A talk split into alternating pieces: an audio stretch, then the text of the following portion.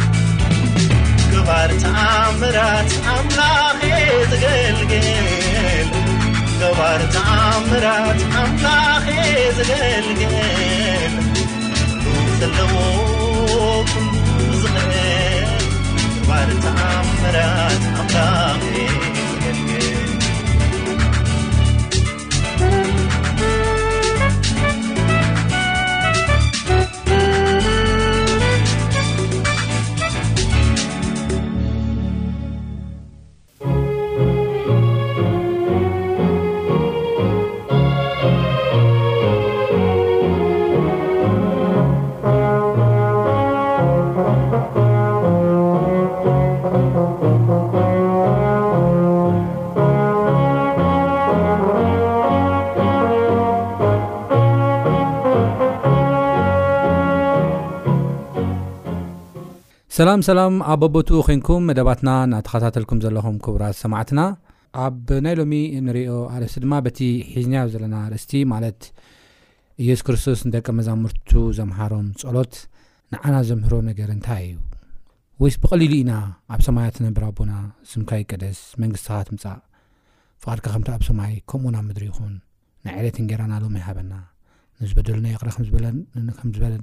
ከም ዝበለናሎም በደልና ሕደገልና ካብ ክፉእ ኣድሕነና እምበር ኣብ ፈተና ይተእትወና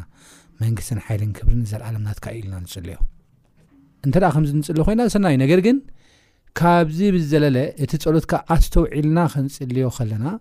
ተረዲእና ክንጽልዮ ከለና ብዙሕ ትምህርትን ብዙሕ ዝኾነ ምስጢራት ኣምላኽን ዝገልጽ ሓሳባት ኢና ንረክብ ማለት እዩ እሞ ኣብ ዝሓለፈ ግዜያትና ኣብ ሰማያት ትነብር ኣቦና ብዝብል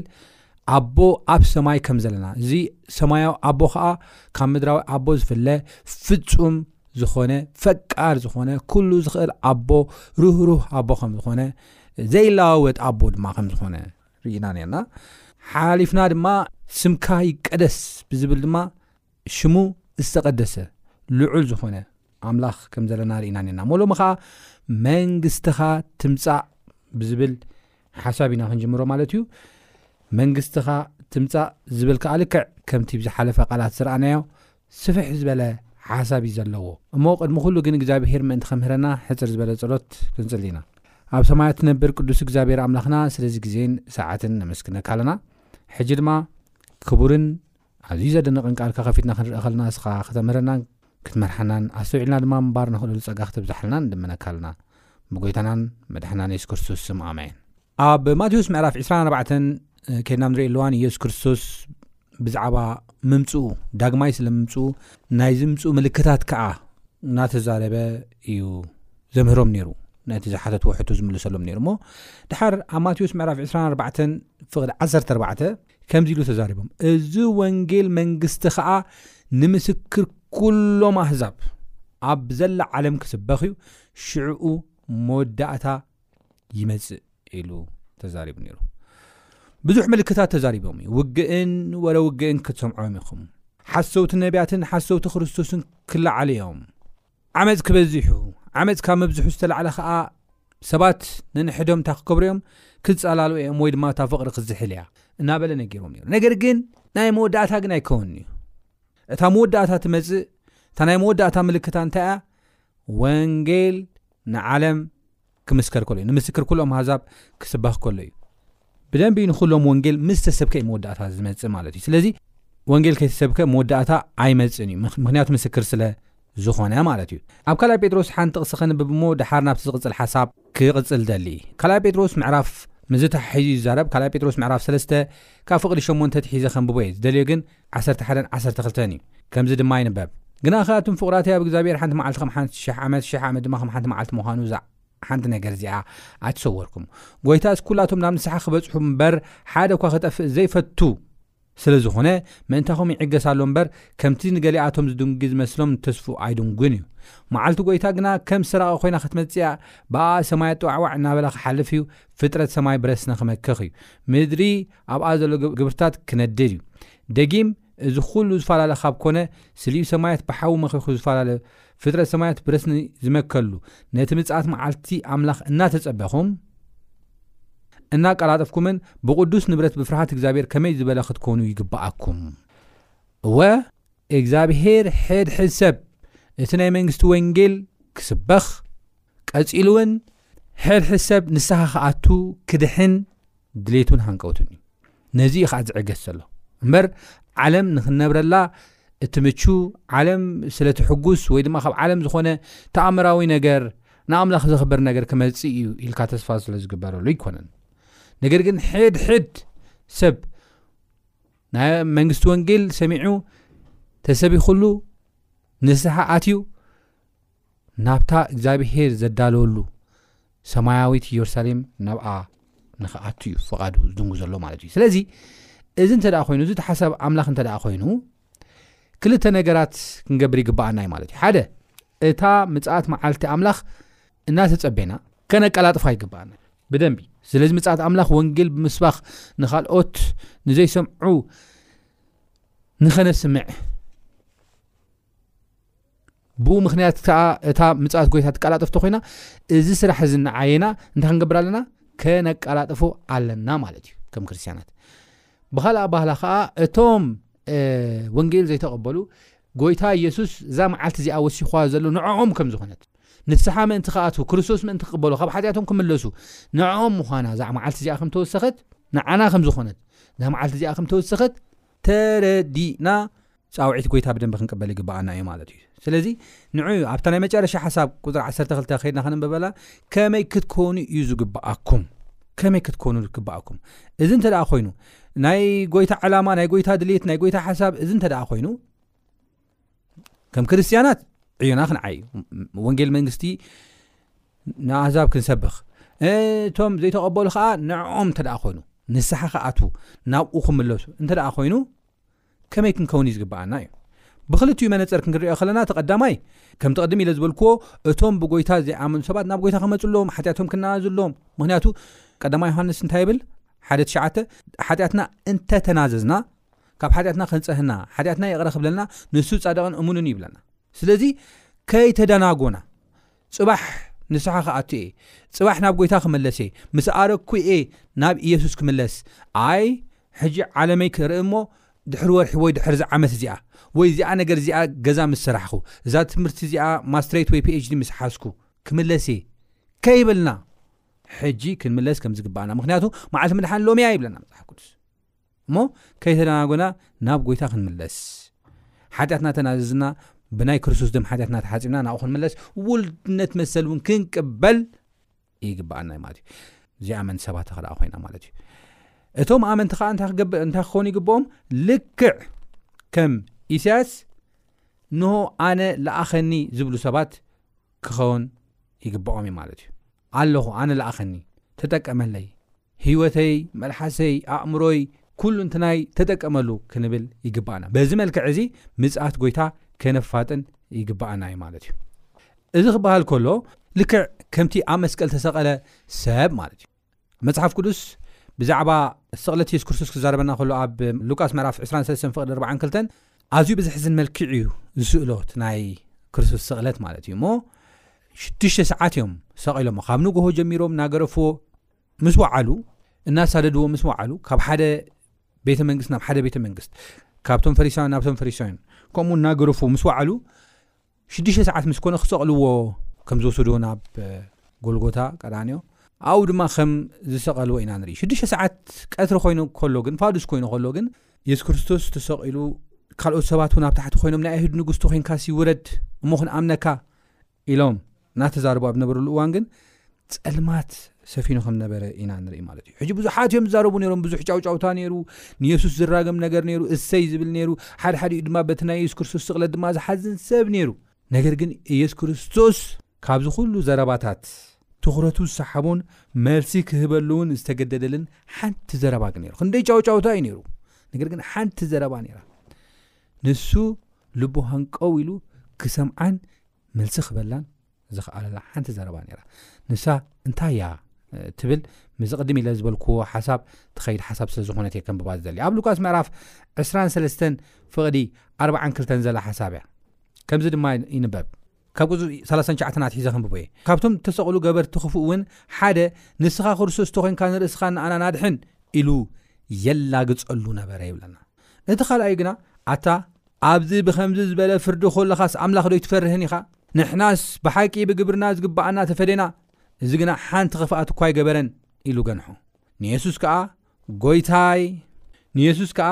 ጐይታይ! ብመንግስትኻ ምስ እትመጽእ ዘክረኒ! በሎ ይብለና የሱስ ድማ ሎሚ ምሳይ ኣብ ገነት ከም እትኸውን ብሓቂ ይብለካ ኣለኹ ይብለና ስለዚ እዚ ሓሳብ እዚ ዘርእየና ወይ ድማ ዘረዳእና እንታይ እዩ ተይልና ንሕና ንስሓ ክንኣትወሉ እንኽእል ግዜ ሰዓትን የብሉን ኣብ ዝኾነ ግዜ ሰዓትን ኣብ ዝኾነ ቦታን ንስሓ ክንኣቱ ንኽእልና ናብ ክርስቶስ ክንምለስ ንኽእል ኢና። እዚ ሰብ እዚ ኣብ መስቀል ተሰቒሉ ኣብ ቃንዛ ኸሎ እዩ ጐይታይ ብመንግስትኻ ምስ እትመጽእ ዘክረኒ ኢሉ ከም ተዛርቦ ኢና ንርኢ። ስለዚ ንስሓ ክንኣቱ ይግብኣና እዩ ዝብል ሓሳብ ኣብዚ የምህረና ማለት እዩ። ሎሚ ብዙሓት ኣብ ዓራቶም ኮይኖም ሓሚሞም ኣብ ዓራቶም ኮይኖም ኣብ ሞትን ኣብ ህይወትን ኮይኖም ከምኡ ዝብሉ ኣለዉ ንስሓ ዝኣትዉ ኣለዉ ናብ ጎይታ ዝምለሱ ኣለዉ ስለዚ ንሕና እውን ሎሚ ክንምለስ ይግብኣና እዩ እዚ ልመና እዚ ድማ ኣስተውዒልና ክንለማመዶ ይግብኣና እዩ ዝብል ሓሳብ እዩ ዘሎ ማለት እዩ ስለዚ ናብቲ ኣርእስተይ ናብ ናይ መጀመርያ ዝብልኩ ኣርእስተይ ክምለስ እሞ መንግስትኻ ትምፃእ ኢልና ክንፅለ ከለና እግዝኣብሄር ስለ መንግስቱ ብቓሉ ዝተዛረቦ ነገር ምምርማር ኣገዳሲ እዩ ዝኸውን ማለት እዩ። ስለ መንግስቱ እንታይ እዩ ተዛሪቡ፣ እንታይ እዩ ገሊጽልና ስለ መንግስቱ ዝብል ብደንቢ ክንርኢ ኢና ማለት እዩ። ቅድሚ ኩሉ ግን ሓደ ሓደ ጥቕሲ ከንብብ ይደሊ። ምድራዊ መንግስቲ ብዘይ ንጉስ ክምስረት ኣይክእልን እዩ። ስለዚ ሰማያዊ መንግስቲ እውን ንጉስ ኣለዎ እዩ። እዚ ንጉስ እዚ መን እዩ እንተ ኢልና ኣብ መጽሓፍ ቅዱስ ናይ እግዚኣብሔር መንግስቲ ናይዛ መንግስቲ እዚኣ ንጉስ እግዛብሄር እዩ። ኣብ መዝሙር ዳዊት ምዕራፍ ኣርባዓን ሸውዓተን ፍቕዲ ሸሞንተ እግዛብሄር ኣብ ህዝቡ ከም ዝነገሰ ይዛረበና። ካብዚ ብተወሳኺ ድማ ኣብ ዕብራውያን ምዕራፍ ሓደ ፍቕዲ ሸሞንተ ከይድና ኣብ ንርእየሉ እዋን ከምዚ ዝብል ቃል ንርኢ ማለት እዩ። ኣብ ዕብራውያን ምዕራፍ ሓደ ፍቕዲ ሸሞንተ እታ መንግስቱ ናይ ጽድቂ መንግስቲ ምዃና ይነግረና። ከንብቦ ይደሊ ብዛዕባ ወዱ ግና ኣታ ኣምላኸይ ዙፋንካ ንዘለኣለም ኣለም ይነብር እቲ ዙፋኑ ንዘለኣለም ኣለም እዩ ዳንኤል እውን ኣብ ትንቢተ ዳንኤል ምዕራፍ ክልተ ከይና ንሪኢ ኣለዋ ንሱ ነገስታት ይሸይም ነገስታት ይወድ ናቱ መንግስቲ ግን ናይ ዘለኣለም መንግስቲ ከም ዝኾነ ይተዘረብ ኣብዚ ኣታ ኣምላኸይ ዙፋንካን ዘለኣለም ኣለም ይነብር በትሪ መንግስትኻ እውን ኣደቕ ቅኑዕ እዩ ኢሉ ክዛረበና ከሎ ንርኢ ማለት እዩ በትሪ መንግስትኻውን ጻደቕን ቅኑዑን ይብለና ስለዚ እቲ ንጉስ ሓደ መንግስቱን ዘላለም ኣለም እያ ካብዚ ብተወሳኺ ከዓ ብቕንዕና ዝተመለት ብጽድቂ ተመልእት ከም ዝኾነት እዩ ዛረበና ማለት እዩ ኣብ ዝኸበረ ዝፋን ድማ ከም ተቐመጠ መጽሓፍ ቅዱስ ይዛረበና ማለት እዩ ስለዚ እዛ ናይ እግዚኣብሔር መንግስቲ ንጉስ ዝኾነ ኢየሱስ ክርስቶስ ንጉስ ዝኾነ እግዚኣብሔር ኣምላኽና ዝፋኑ ዘዘላለም ቅኑዕ ብፍትሒ ዝተመልአት መንግስቲ ከም ዝኾነት ይዛረበና ማለት እዩ። ካብዚ ብተወሳኺ ብዛዕባ ናይ እግዚኣብሔር መንግስቲ ክንብል ከለና እግዚኣብሔር ፍጹም ዝኾነ ኣምላኽ ስለ እግዚኣብሔር ማንነት ክዛረበና ከሎ ሓያል ልዑል ዝኾነ ኣምላኽ ምዃኑ ይዛረበና ማለት እዩ ምዚ ተሓሒዘ ግን ሓደ ነገር ክውስኽ ይደሊ ሕጂ እውን ብናይ ሰብ ኣመላኽታ ብናይ ሰብ ኣረዳድኣ መንግስታት ዝልክዑ ብዘለዎም ናይ ግዝኣት ስፍሓት፣ ንኣብነት ናይ ባቢሎን መንግስቲ ዓባይ ነይራ ክንብል ከልና እቲ ዝሓዘቶ ግዝኣት ኣዝያ ሰፊሕ ስለ ዝነበረ እዩ ዓባይ ባቢሎን ተባሂላ ትጽዋዕ ማለት እዩ። ካብዚ ብተወሳኺ ናይ ግሪክ፣ ናይ መዶን ፋርስ ብስፍሓቶም ዓባይን ንእሽተይን መንግስቲ ነይራ ክበሃል ብስፍሓቶም ይውሰን ከም ዝነበረ የርእየና እዩ። ስለዚ በቲ ናቶም ግዝኣት ጥራሕ ዘይኮነ ዝውሰን ነይሩ ሲ እቲ ዝገዝእዎ ቦታታት ጥራሕ ዘይኮነ ነገር ግን ብዘለዎም ጥንካሬ ብዘለዎም ሓይሊ እውን ይምርኮዝ ነይሩ እዩ ቀፂሉ እውን ብናይ ኢኮኖሚ ዓቕሞም እውን እዩ ዝምልከት ነይሩ ዝምዘን ነይሩ ስለዚ ናይ እግዚኣብሔር መንግስቲ በዚ መልክዕ እዚ ክትረአ ከላ በዚ መንፅር እዚ ክትረአ ከላ ከመይ ዓይነት መንግስቲ እያ ነይራ ክንብል ከልና ተቀዳማይ ናይ ግዝኣቱ ስፍሓት መፅሓፍ ቅዱስ ይዛረበና እዩ ኣብ መዝሙር ዳዊት ምዕራፍ 1ሰለስተን ፍቕዲ 19 ከም ዝብል ቃል ንረክብ እግዚኣብሔር ንዙፋኑ ኣብ ሰማይ ኣቆመ መንግስቱውን ኣብ ልዕሊ ኩላ ትገዝእ ኣላ ይብለና እግዚኣብሔር ንዝፋኑ ኣብ ሰማይ ኣቆመ መንግስቱ እውን ኣብ ልዕሊ ኩላ ትገዝእ ኣላ ስለዚ እቲ ናይ መንግስቱ ግዝኣት ወይ ድማ ስፍሓት ክንርኢ ከለና ሲ ንኩሉ ዝገዝእ ከም ዝኾነ ኢና ንርኢ ዩኒቨርስ ምድሪ ጥራሕ ኣይኮነን ዩኒቨርስ ብምሉእ ዝቆፃፀር ዝገዝእ ስፍሓት ከም ዝኾነ ኢና ንርኢ ሰፊሕ መንግስቲ ዓብይ ዩኒቨርስ ከም ዝኾነ ኢና ንርኢ ማለት እዩ ካብዚ ብተወሳኺ ኣብ ኤርምያስ ምዕራፍ ዕስራን ሰለስተን ፍቕዲ ዕስራን ኣርባዕተን እውን ተመሳሳሊ ሓሳብ ብዛዕባ ግዝኣት ኣምላኽ ይዛረበና እዩ። ኤርምያስ ምዕራፍ ዕስራን ሰለስተን ፍቕዲ ዕስራን ኣርባዕተን ከምዚ ይንበብ፣ ኣነ ኸይርእዮ ሰብዶ ኣብ ስውር ስፍራ ኽሕባእ ይከኣሎ እዩ? ይብል እግዚኣብሄር። ሰማይን ምድርን ዝመልኦዶ ኣነ ኣይኰንኩን? ይብል። ሰማይን ምድርን ዝመልአ፣ ሰማይን ምድርን ዝሓቖፈ፣ ዝገዝእ ዘሎ፣ እግዚኣብሄር ጐይታ ሰራዊት እዩ ይብል እሞ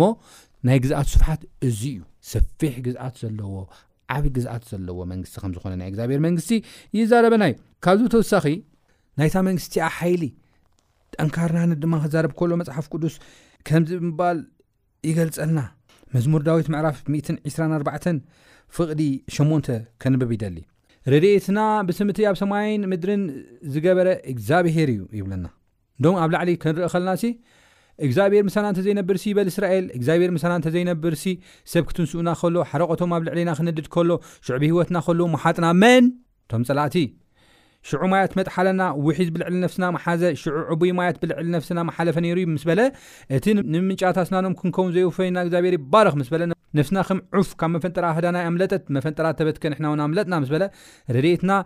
ብስም እቲ ሰማይን ምድርን ዝገበረ እግዚኣብሄር እዩ ይብለና ስለዚ ሓያል መንግስቲ ከም ዝኾነ ናይ እግዚኣብሔር መንግስቲ ሓያል መንግስቲ ከም ዝኾነ እግዚኣብሔር ሓያል ምዃኑ ሓያል ምዃኑ እዩ ዝዛረበና ማለት ስለዚ ረድኤትና ብስም እቲ ኣብ ሰማይን ምድርን ዝገበረ እግዚኣብሄር እዩ ክብለና ከሎ ሓያል መንግስቲ ከም ዝኾነት ናይ እግዚኣብሔር መንግስቲ በዚ ክንርኢ ንኽእልና እዚ ጥራሕ ግን ኣይኮነን ኣብ ኢሳያስ ምዕራፍ 4 ፍቅዲ 12 ከድና ንርኢ ኣልዋን ብዛዕባ እታ ናይ እግዚኣብሔር መንግስቲ ጠንካራነት ናይ እግዚኣብሔር ሓይሊ ይዛረበና እዩ ከምዚ ብምባል ንማያት ብኢዱ ዓሚኹ ዝሰፈረ ንማያት ከዓ በፃብዑ ዝሰደረ መን እዩ ንሓመድ ምድሪ ከም ሚዛን ዝኣከበ ንኽራን ብሚዛን ንኾረቢት ድማ ብነጥሪ ዝመዘነኸ መን እዩ ምስ በለ ንመንፈስ እግዚኣብሔር ዝመርመረ ወይስ መኻሪኡ ኮይኑ ዘምሃሮኸ መን እዩ ምስ መን ተማኸረ ኣእምሮ ዝሃቦ እቲ ቁኑዕ መንገዲ ከም ዝመሃሮ ፍልጠት ዘፍለጦ መንገዲ ምስትውዓል ድማ ዘርኣዮኸ መን እዩ እነሆ ኣህዛብ ከም ሓንቲ ነጥቢ ኣብ ዕትሮ ከም ሓንቲ ብስር ኣብ ሚዛን ይቝጸሩ። እነሆ ንደሴታት ከም ተጎግ የልዕል። ሊባኖስ ንምንዳድ ኣይኣክልን፣ እንስሳውን ንመስወት ምሕራር ኣይኣክልን። ኵሎም ኣህዛብ ኣብ ቅድሚኡ ከም ሓደ ግዛዕ ኣይረኣዩን፣ ሓንቲ እኳ ከም ዘየልቦ ከም ከንቱነት ገይሩ እዩ ዝቖጽሮም። እምበኣርሲ ንኣምላኽ ምስ መን ተመሳስሎ፣ ምሰየናይ መልክዕኸ ክተመዓራርይዎ ኢኹም? ይብለና። ስለዚ ሓያል ጠንካራ መንግስቲ ከም ዝኾነት